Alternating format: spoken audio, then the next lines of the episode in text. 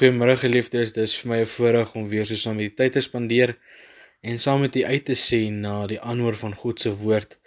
My gebed is dat ons elkeen daardeur opgebou, versterk en tot nuwe krag gebring sal word. Ek nooi uit om saam met my vir 'n oomblik stil te word, dan gaan ek dit vir ons voor in gebed. Ons Here en Hemelse Vader, ons sê vir U dankie vir nog 'n dag in U hand. Dankie dat ons op so 'n manier ook kan bewus word van die genade wat U ons kom bewys. Here, ons wil U vra om ook nou by ons te wees as ons U woord oopmaak en saam daarop na gaan luister, saam dit gaan oordink. Kom gee dat dit deur die werking van die Heilige Gees in ons elkeen 'n tuiste sal vind en dat ons daardeur ook opgebou, versterk en bemoedig sal word.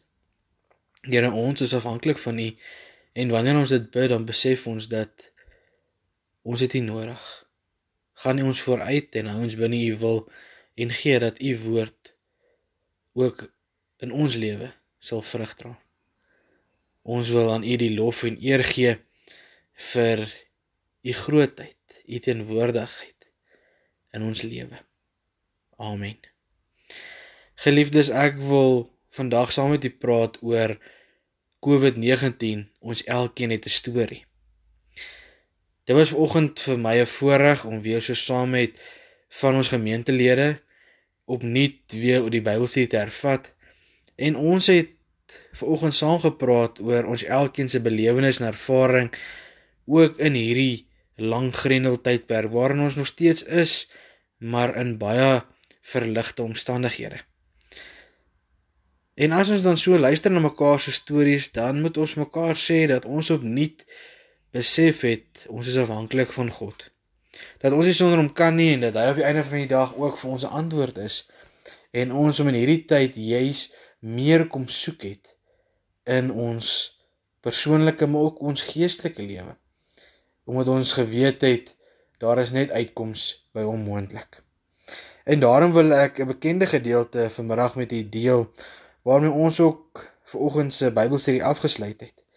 En ons is gewoond daaraan om hierdie gedeelte aan die einde van 'n preek te hoor as 'n seënuitspraak waarmee ons uitgestuur word om te gaan leef in die wêreld, maar dan ook in ons eie lewe, veral in die week wat dan voorlê. Dit kom uit Numeri 6 vers 24 tot 26 en daar staan die volgende: Die Here sal julle seën en julle beskerm. Die Here sal tot julle redding verskyn en julle genadig wees. Die Here sal julle gebede verhoor en aan julle vrede gee. Geliefdes, hierdie is 'n baie besonderse seënuitspraak wat ons vind in die Ou Testament. 'n Seënuitspraak wat gegee word aan die volk Israel, gelowiges, mense wat vasgehou het aan die Here. En dan hoor ons dat die Here sal ons seën. Ons sal sy seën beleef elke dag. Maar ons sal ook beskerm word. Ons sal veilig gehou word want ons is in sy Vaderhand. Hy sal ook tot ons redding verskyn. Daar waar ons redding nodig het van onsself, van ons sondige natuur, van ons omstandighede. Hy sal tot ons redding verskyn. Hy sal ons ook genadig wees daar waar ons teen sy wil ingaan. Daar waar ons hom nie altyd erken as God en Here van ons lewe nie daar waar ons baie keer onsself bo God stel. Ook daar sal hy ons genadig wees. En dan iets wat in hierdie tyd baie toegeneem het en waaraan baie van ons vasgehou het is om tot die Here te bid en dan hoor ons dat hy ons gebede sal verhoor.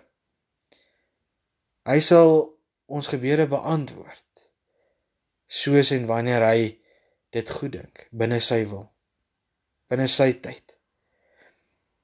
Maar dan eindig dit daar nie. Hy sal ook aan ons vrede gee. En geliefdes, as u terugdink oor hierdie grendeltydperk, hierdie COVID-19 tydperk van die swaarste grendeltyd instellings tot nou waar ons 'n vlak 1 geniet, waar ons nou 'n bietjie meer vryheid het, dan besef ons dat hierdie seënwoorde ons deur hierdie hele tyd gedra het. Dit vir ons waar is en ons nog steeds daaraan kan vashou en ons lewe daarop kan bou. Want op die einde van die dag Al was die uitdaging hoe moeilik, het die Here ons aangehou seën. Hy het ons beskerm deur ons gesond hou, deur ons 'n uitkoms te gee, het sy dit gesondheid, finansiëel, familie ensovoorts is. Maar hy het ook tot ons redding verskyn deur vir ons te sê dat hy is vir ons genoeg en ons moet hom voor oë hou. Ons het opnuut besef hoe afhanklik ons van hom is en sy grootheid in ons lewe kom erken. Dat ons nie die mensdom, die wetenskap, die medies voor hom sal stel nie, maar sal weet hy is die een in beheer. Daar waar ons dit wel gedoen het, kom sê vir ons, hy sal ons genadig wees. En ons moet dalk hierdie genadig wat hy aan ons kom bewys, nie ligtelik opvat en besef ons het 'n tweede kans gekry om God te verheerlik, om God te erken as Vader en Here van ons lewe. En dan van die swaarste tot die ligter tye nou waar ons vryheid geniet, moet ons volhard in gebed want ons weet die Here sal ook ons gebede verhoor. Vroer vandag, maar ook in die toekoms sal hy getrou wees en sal hy aanhou om ons gebede te verhoor. En as ons aan hierdie noem dit vyf boustene vashou, dan sal ons ook die vrede wat hy vir ons gee geniet, daarvan bewus wees en dit ervaar as tenwoordig in ons lewe. Die uitdaging is dat hierdie COVID tydperk nie hier eindig nie. Aan die begin het ek vir gesê ek wil met u praat oor ons elkeen het 'n storie. Vandag wil ek vir julle sê ons elkeen het 'n storie van ons belewenisse, ons ervarings, ons frustrasie, ons irritasie en die lys kan aangaan rondom hierdie tydperk van inperking. En ek wil u uitnooi om te begin luister na ander se stories, maar ook om u eie storie as 'n getuienis te gaan deel, te gaan leef, te gaan vertel tot ander mense.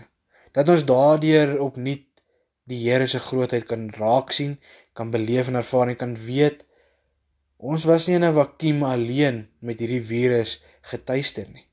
Ons was saam met ander mense daardeur geraak. Op die einde van die dag as ons terugkyk, dank ons die Here want ons weet vanuit sy genade het ons gesond gebly, het ons 'n kans gekry om weer op 'n manier by mekaar uit te kom en weer ons geloof en ons verhouding tot die Here op te skerp en daarmee erns te maak. En my gebed is dat ons hom voor sal hou en aan hom die eer sal gee sodat sy naam in ons lewe verheerlik mag word. Kom ons bid saam. Here, dankie dat ons ook so aan die einde van 'n paar verse wat ons saam oor nagedink het, saam oor 'n paar gedagtes gewissel het, kan weet U is die een wat getrou bly. Here, ons is oor 'n baie lang tydperk weghou van mekaar af as gelowiges. Maar u kerk was nooit toe nie. Ons as gelowiges se verhouding het nie gaan stil staan nie. Ons het opnuut besef wat is die erns daarvan en dat ons opnuut dalk bietjie meer aandag daaraan moet gee en u meer moet erken in ons lewe. Here, ons het u nodig. Ons kan nie sonder u nie. En ons wil vandag vir u vra, kom maak ons oë oop. Kom maak ons harte oop kom maak ons bewus van wat rondom ons aangaan. Dat ons mekaar se stories sal hoor, maar ook ons eie storie sal gaan deel met ander. Dat ons mekaar daardeur kan opbou en kan weet eers teenwoordig in elkeen sin. En wanneer ons dit doen, dan doen ons dit om U die eer te gee. Want ja, Here, soos ons gehoor het dat hierdie gedeelte wat ons saam gelees het, U is die een wat ons seën. U beskerm ons nog steeds vandag. U is die een wat elke dag tot ons redding verskyn. U is ons genadig. Daar waar ons dit nie verdien nie, is U steeds genadig. Ja Here, U verhoor ons gebede. Maar U kom gee ons ook vrede. Ons sê vir U dankie en ons vra vir U om dit in ons harte te laat kom wortel skiet. Dat ons daarin sal vashou en ons lewe daarop sal bou.